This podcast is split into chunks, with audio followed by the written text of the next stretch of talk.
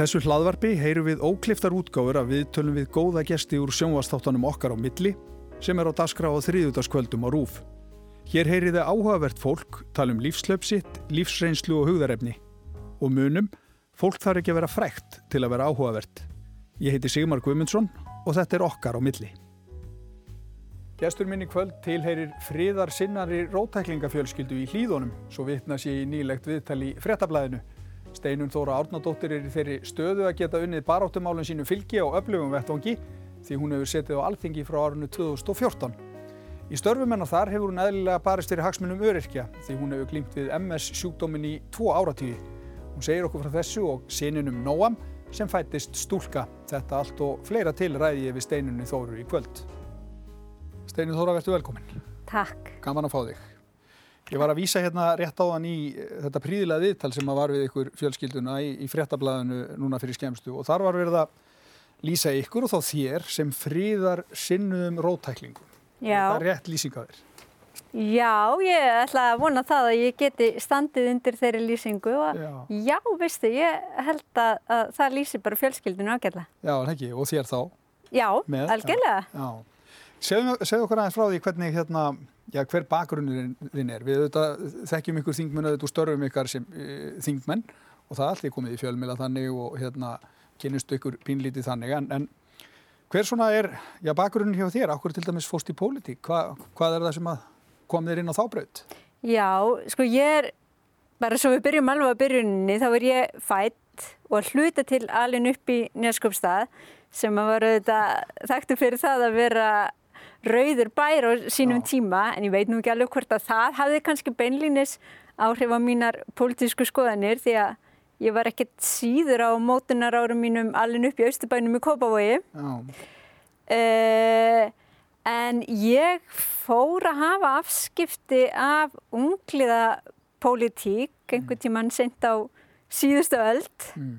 Svona bara, uh, já, í rauninu sumarið eftir tíundabekk þegar ég er svona 15 ára fer ég að mæta og fundi hjá æskuliðsfylkingu allþýði bandalagsins Mm. og fer á mjög svipum tíma einni að mæta og fundi hjá samtökum sem að þá hétu samtök herstöfa anstæðinga. Mm.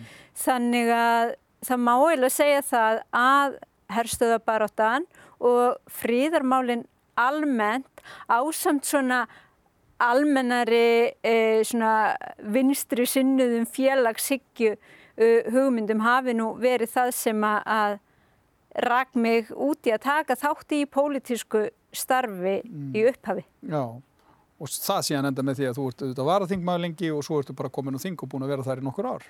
Já, ég hérna satt í miðnæmd uh, samtaka hernaðar, eða herstöðva anstæðinga eins og þau hétu þá, fyrst bara á mentaskóla aldri og að því að það ekki nú margir mannin minn úr þessi barætti þá notaði nú stundum á hann að ég í stjórn langt á undan honum. Já, Í- í um þeim samtökum, já. já.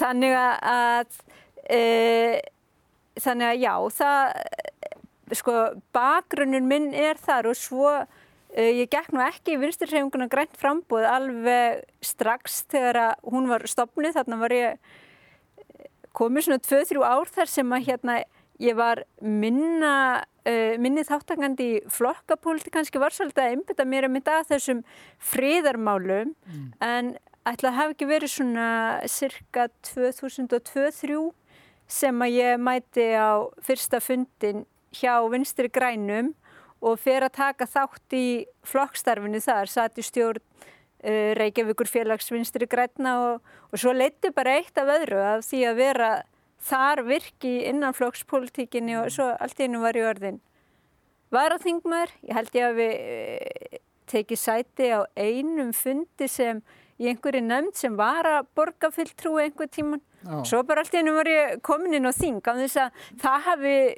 verið endilega það sem að ég ætlaði mér eða hafi verið einhvern veginn planið þegar ég byrjaði að taka þátt í pólitík. Nei, þannig að þú svona, kemur úr svona græsótastarfi og endar síðan á því eða í það sem þú ert núna í dag, það er auðvitað að vera atvinnum pólitíkus, það er hérna, svolítið bilað á milli, en, en hvernig kanntu við þetta?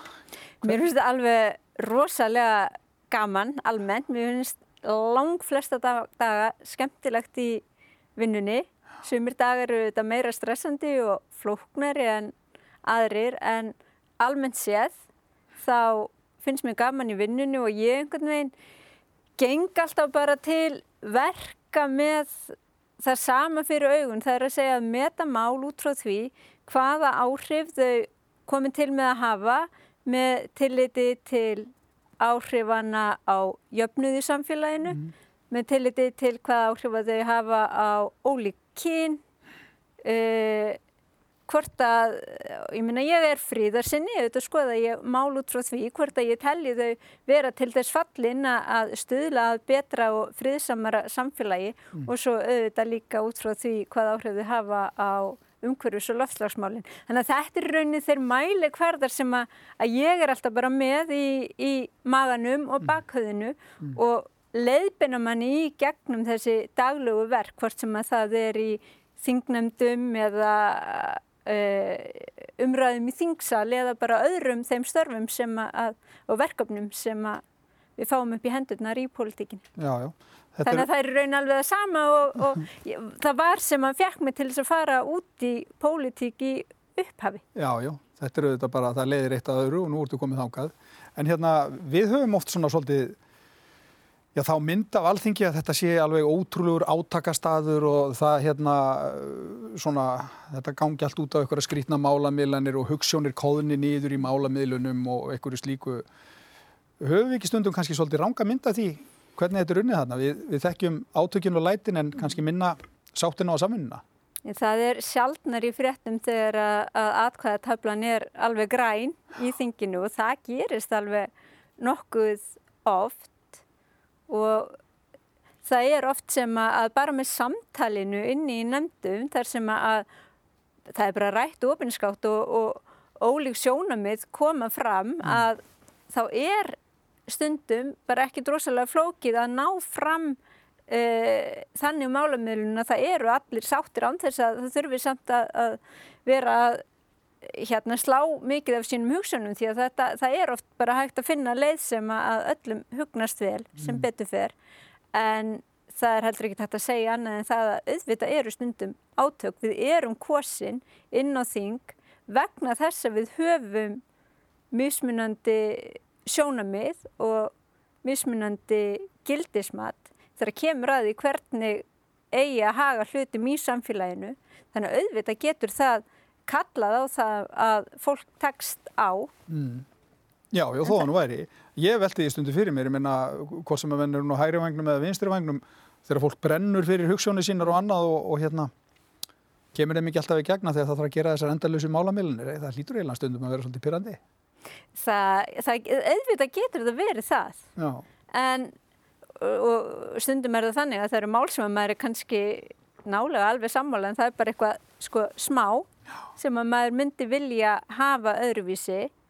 Uh, en þá skiptir auðvitað máli að hafa samt hildarmyndina í huga og það er kannski sem betur fer þannig að, að það er engin eitt flokkur sem er með hreinan meirhluta og sem bara ræður öllu heldur þá eru við og sérstaklega í þessu, þessu ríkistjórnar samstarfi núna mm. þá eru þetta flokkar mjög, mjög ólíka sín en sem hafa saminast í því verkefni sem að er að styrkja innviðina í samfélaginu og skapa stöðuleika og ég held að okkur sé að takast það mjög vel án þess að við séum einhvern veginn að skipta um karakter og, og hætta við okkar pólitísku hugsunir, alls Já. ekki. Annars stundu verið að gaggrinn ykkur fyrir það?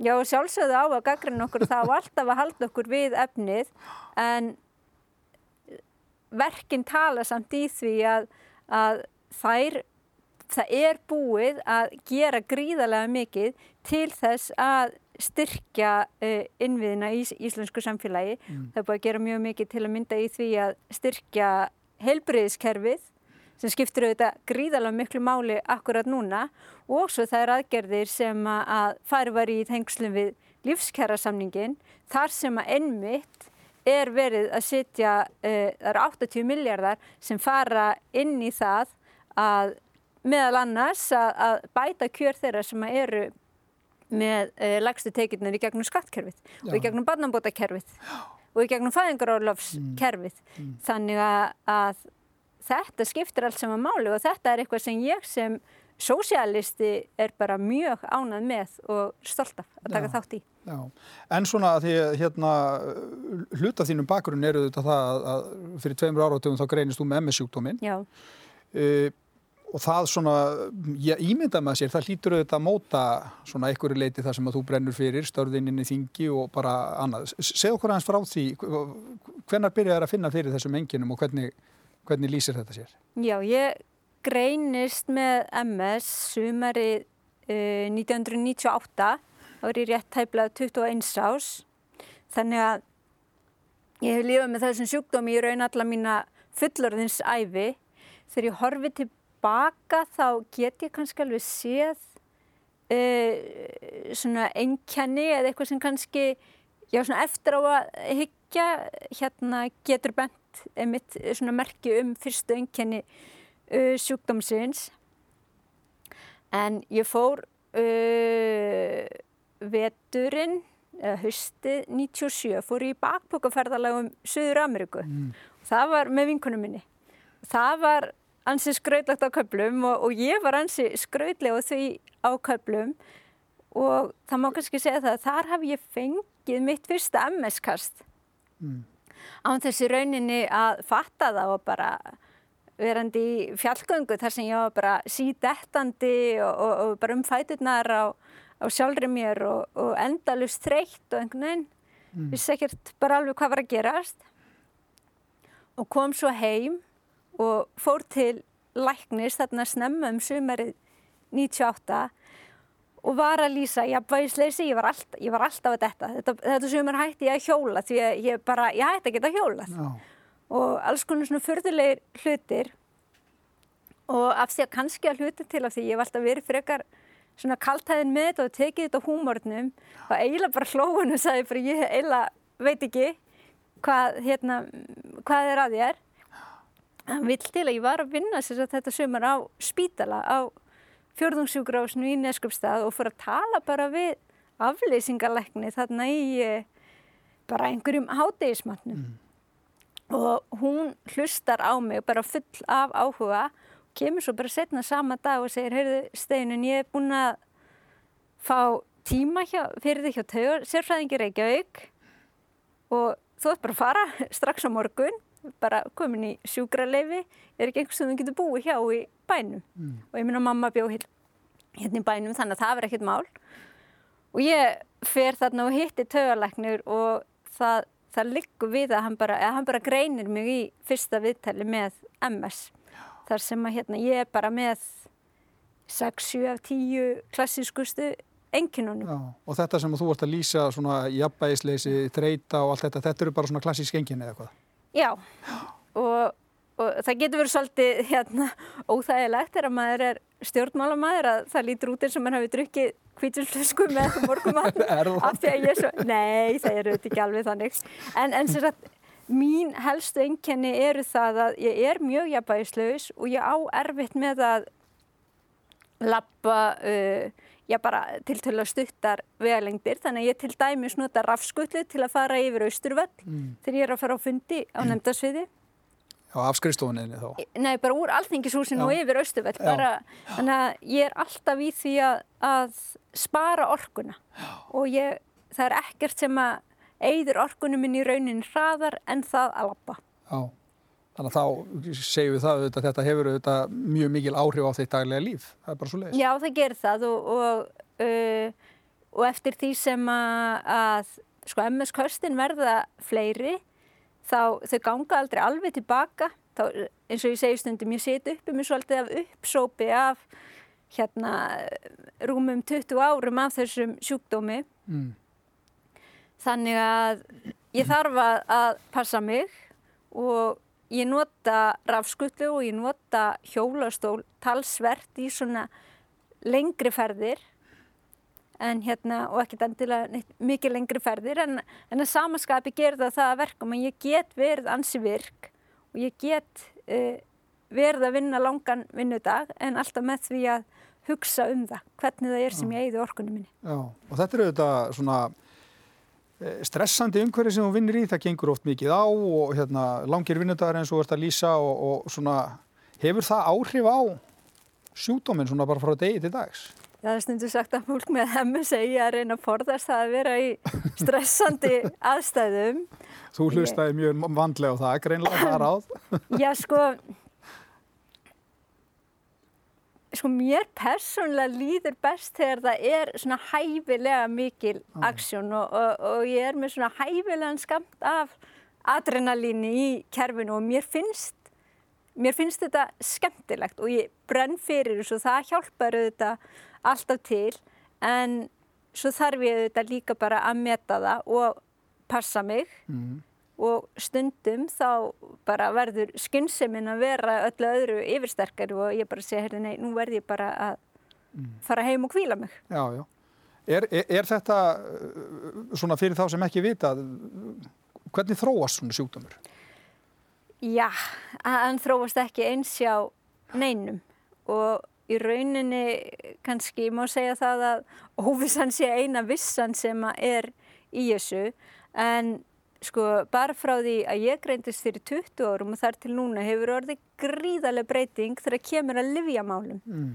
Það er ekki til neinn lækning við sjúkdómnum en það eru til ímiskunna liv sem að haldunum niðri og eru fyrst og fremst að, að gera það verkum að, að fólk fær ekki kost því að það eru kostin sem að skilja eftir sig uh, skemdir í rauninni í leiðurónum á milli taugafruma sem að leiða svo til fölluninnar og mér skilst það að þessi skemdi taug hérna aftan í nakkanum á mér sem að gera það verkum að, að vinstri fóturinn á mér hafa sér ekki alltaf Já. eins og ég vil hann, ég held að það sé hún er einn styrka þannig. Og það fer bara svolítið eftir því hvar uh, á heilan eða mænuna uh, bólgur koma hverjar afleðingarnar eru. Mm. Sumir gleym, glíma við sjóntögabólgu og ymislegt sem tengist augunum.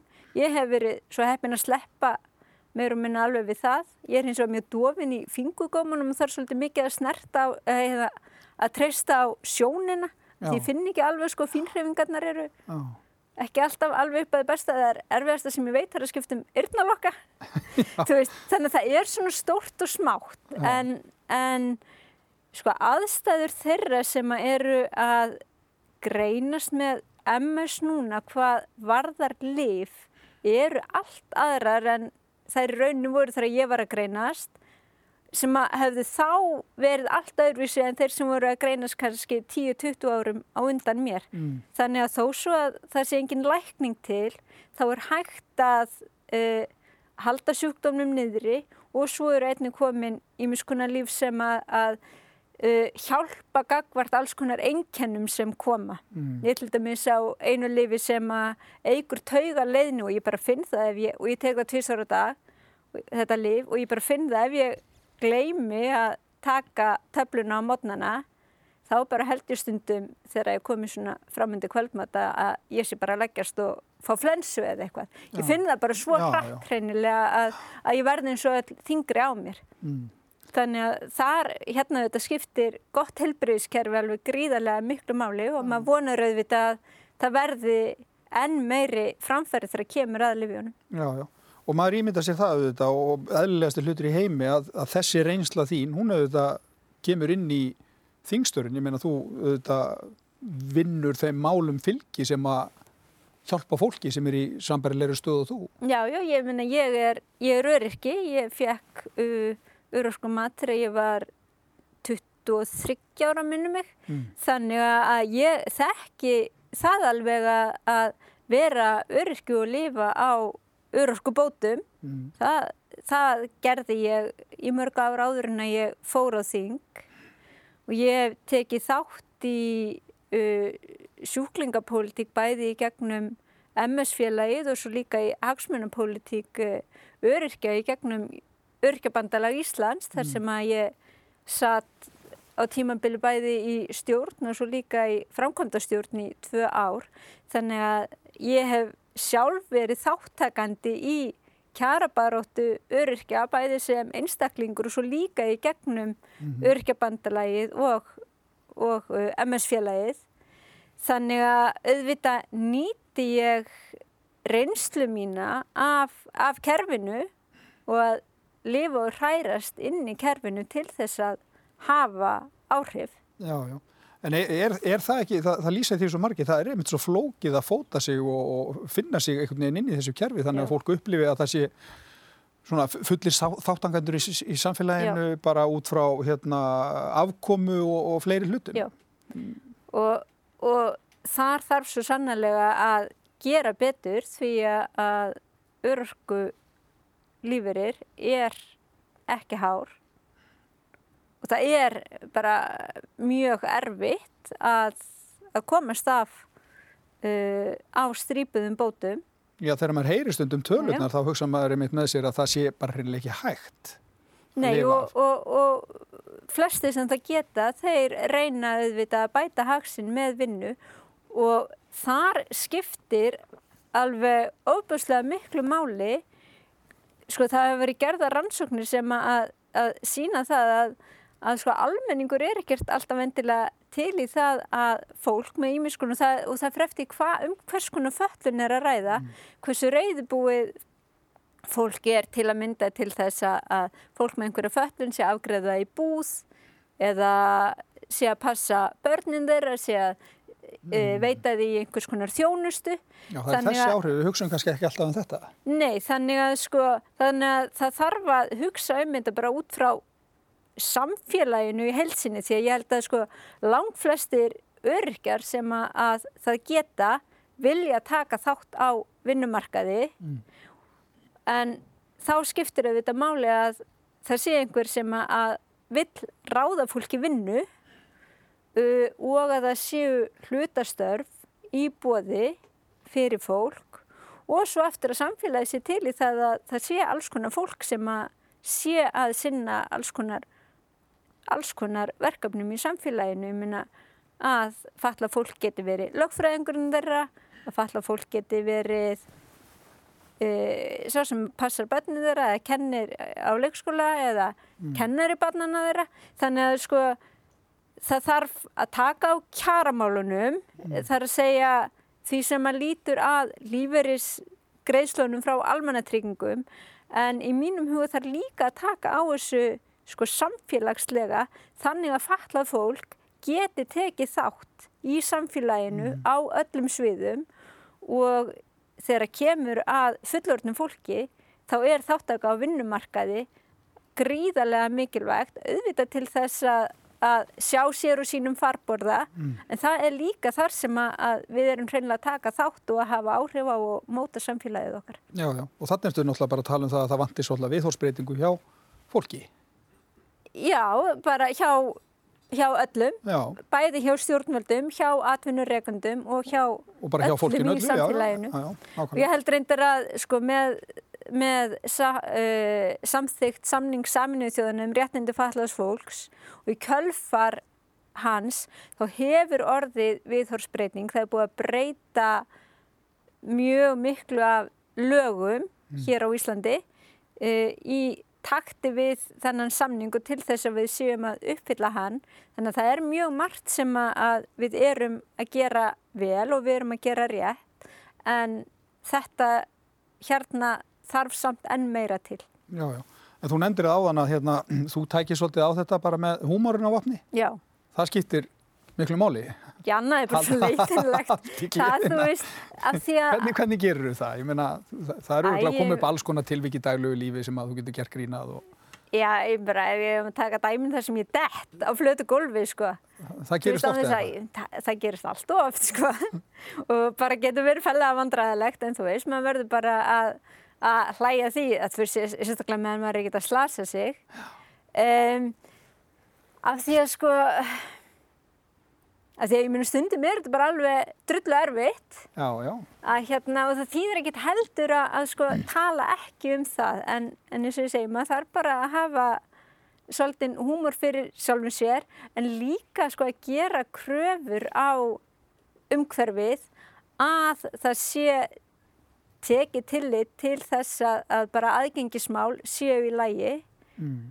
og þar Nú sitt ég í, í Norðurlandaráði þannig að ég hef verið að ferðast halsast mikið sko, til hinn á Norðurlandana og þegar kemur að því að fara um í, í hjólastól þá sko er ímislegt sem er bara fínt hér á Íslandi í samanbörði við önnulönd en svo kannski aðrir þættir þessum að við getum hérna í aðgengismálunum lært af öðrum en, mm. en það er bara ímislegt sem að bara samkvæmt minni reynslu er bara að virka uh, ágætlega hérna uh, og ég held að við séum stundum komin lengra í því að gera ráð fyrir því bara þegar við erum að skipulegja fundi að gera ráð fyrir því að fólk hafi uh, ólíkar aðgengistarfir þó svo að þessu þetta allt á mörg dæmi um það að, að uh, það gleymist að hugsa fyrir því að mm. einhver sé hugsanlega hjólastóli eða sjónskertur einstaklingur uh, sé að fara að taka þátt en samt það er allavega já, mín reynsla er svo að, að við allavega erum ekki að standa okkur verð að mörguleiti en, en aðra þjóður og bara sumt sem við erum að gera mm. vel en, en hérna þurfum við þetta líka að bæta okkur já, og já. þar heldur skiptir líka máli að sko aðeimitt að fólk eins og ég í minni stöðu að við látum bara svolítið vaða og, segjum bara heyrðu hér þarf að bæta mm. Þurftur að gera það til dæmis inn í þinginu?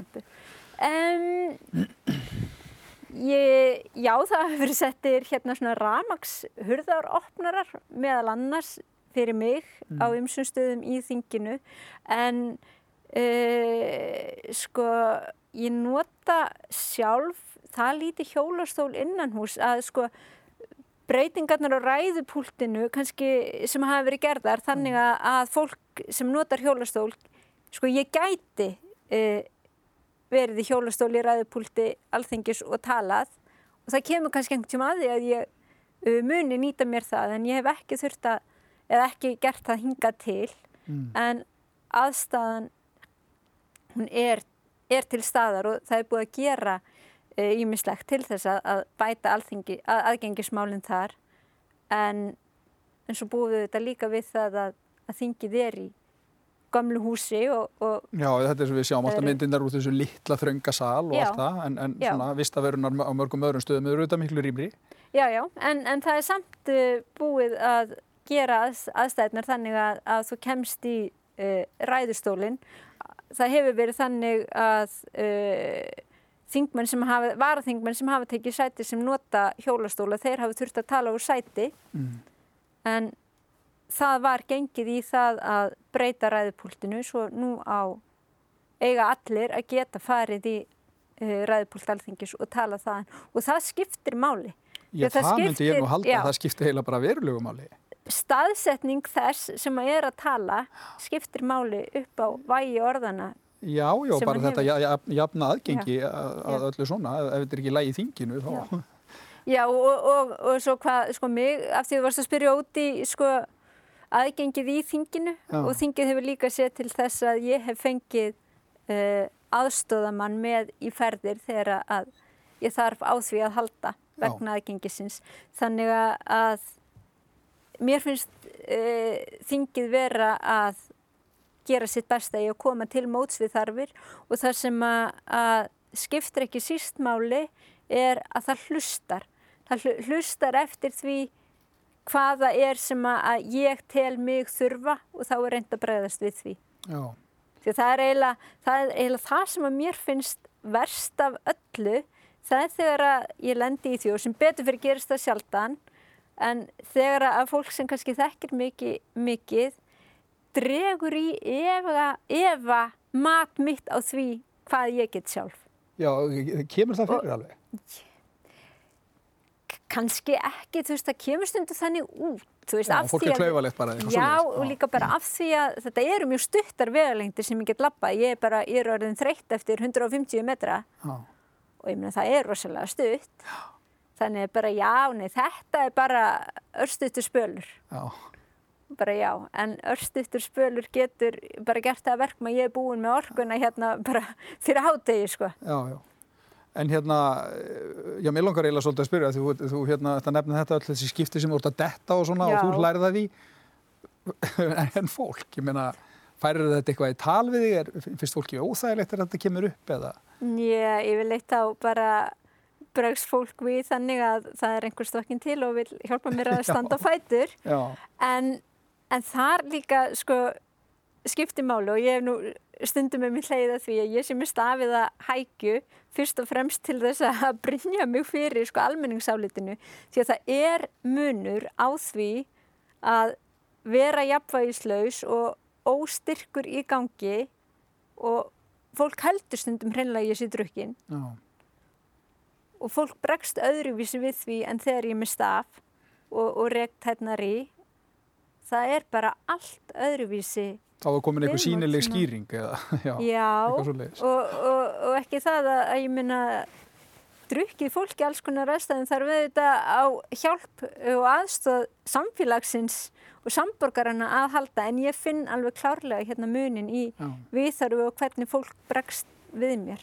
Já, Þannig að, og svo auk þess, með því að vera með stafið að hækju, það var alveg ótrúlegt í alls konar aðstæðum hvað það byrtist alltaf stóll sem maður bara fyrir mig til að setjast á og það bara skiptir, og það máli, skiptir já, mig gríðilega miklu máli því að ég áverðist með að standa lengi. Já, og ég tók bara mjög meðvitaða ákvörðun um það einhver tíman í þessu ferli og eiginlega bara í mínu mastersnami af því ég er með mastersprófi í föllunafræðum að ég tók bara mjög meðvitaða ákvörðun um það að ég ætlaði að nota hjálpartæki til þess að fá sem mest út úr mínum degi og að geta tekið sem þátt í sem allra, allra mestu og ekki alltaf að reyna að bara böðlast áfram gangandi vegna þess að, að þá bara dugar orkan mín svo miklu, miklu skemur.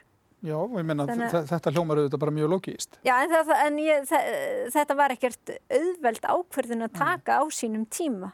Að, að byrja að nota hjólastól og einmitt stundum þá því að svo bara stend Ertu þá að hugsa um álit fólks eða, eða svona viðhor til þín Já, eða... og nei, og líka bara Af því að eins og þú setur þetta upp í fyrraskipti sko, þá, eh, já, auðvitað vill maður fá bara sem mest út úr deginum og já, sjálfsagt mál. Já, en, en sko líka bara að fólki brá þegar það sá mig fyrst í hjólastól og sagði bara, guð, ertu nú bara í slæmu kasti? Já, já, Ég bara, nei, ég ætla bara að fara í þessa fyrsta mægöngu já, og, og svo ætla ég að fara hérna í fyrsta mægleðina um kvöldið.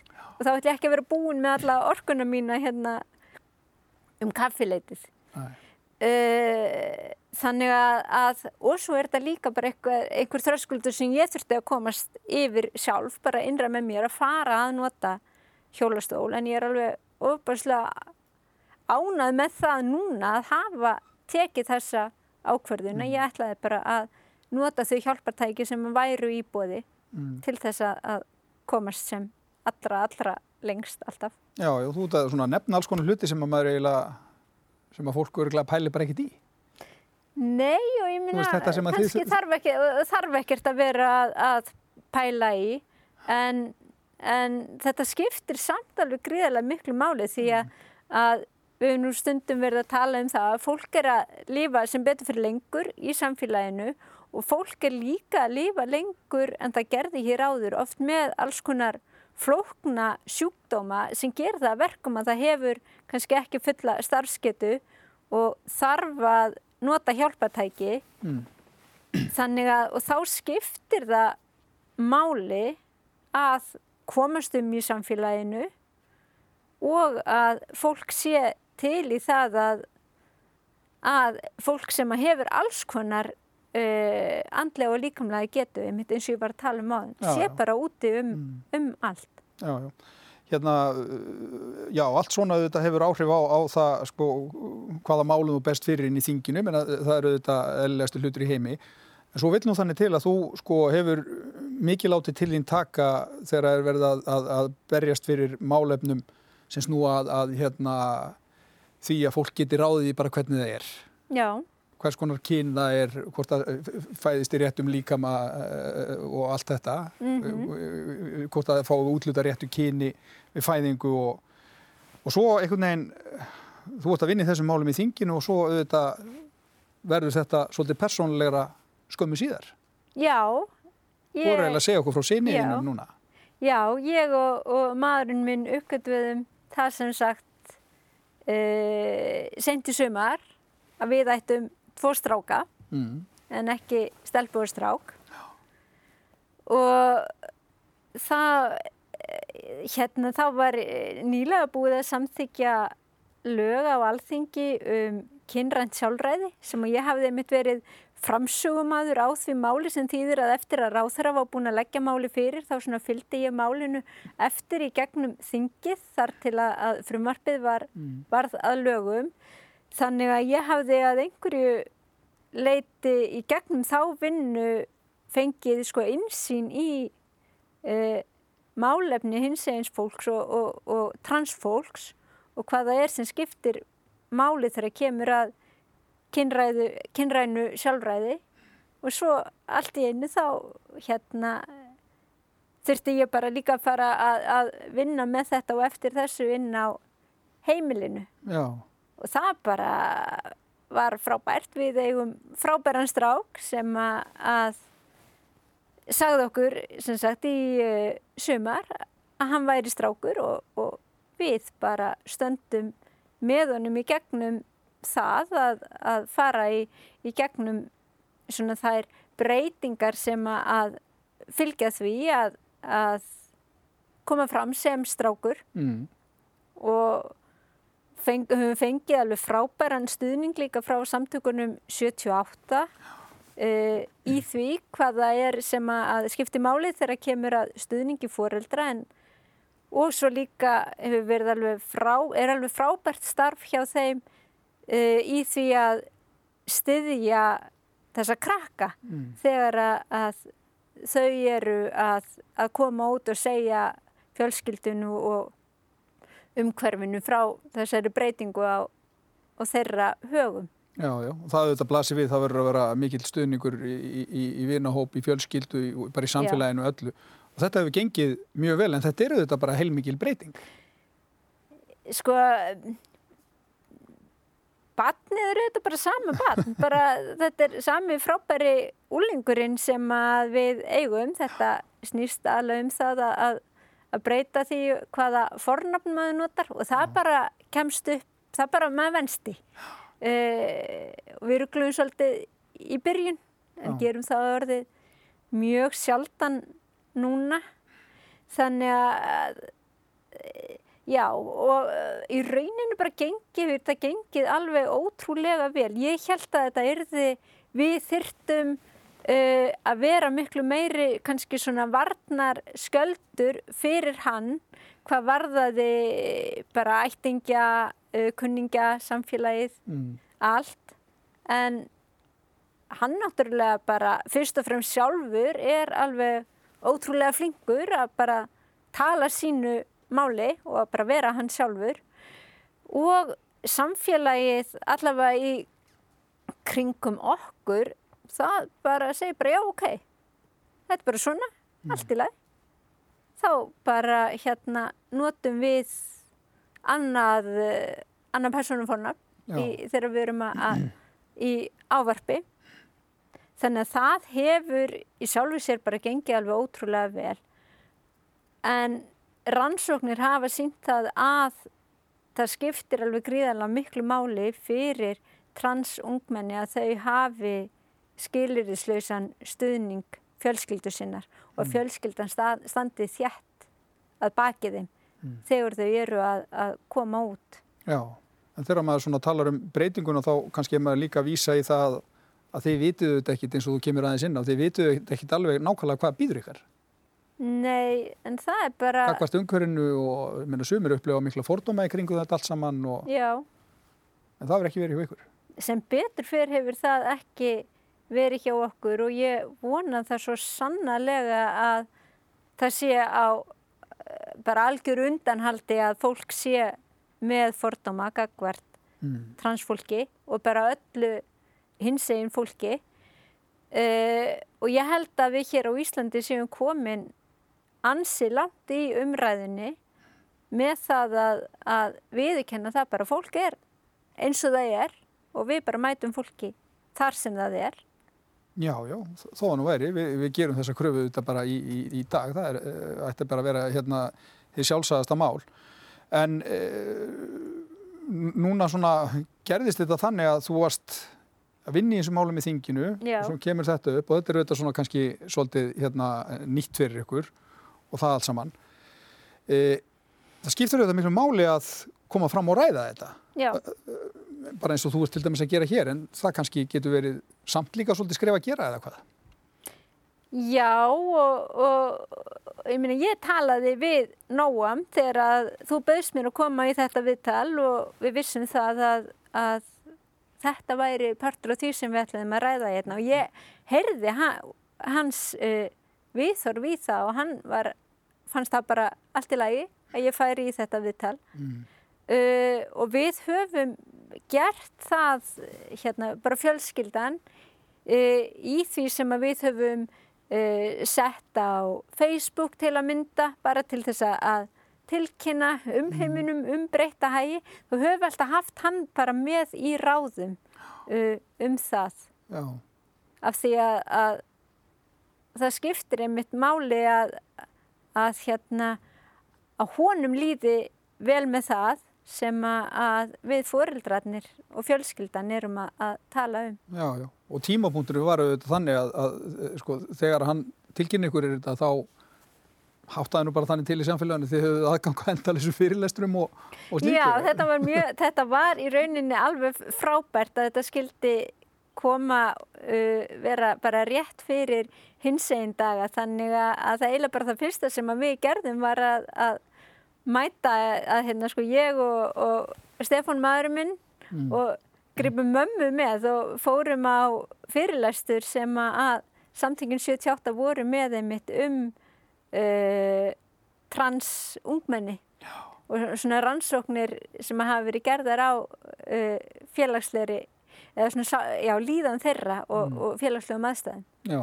Þannig að það verður þetta bara draumur í dós að geta bara gengið einhvern veginn inn og byrja bara strax að fá uh, góðar upplýsingar. Já, það er hérna áhugavert að heyra og þetta er bara frábært að heyra það og kom svo sér fram í máli Uglu Stefáníu hér í þessum þætti fyrir einhvern veikum að, að við erum kominu þetta bara langt og það hefur gerst uh, hérna þetta kannski ekki endilega á mjög langum tíma en, en mikið hefur breyst. Já, ég held að þetta einmitt, og þetta sko, skiptir einmitt máli að, að fólk eru örgla frekar tilbúið til þess að koma út sem trans að hluta til vegna þess að það er umræða í samfélaginu mm.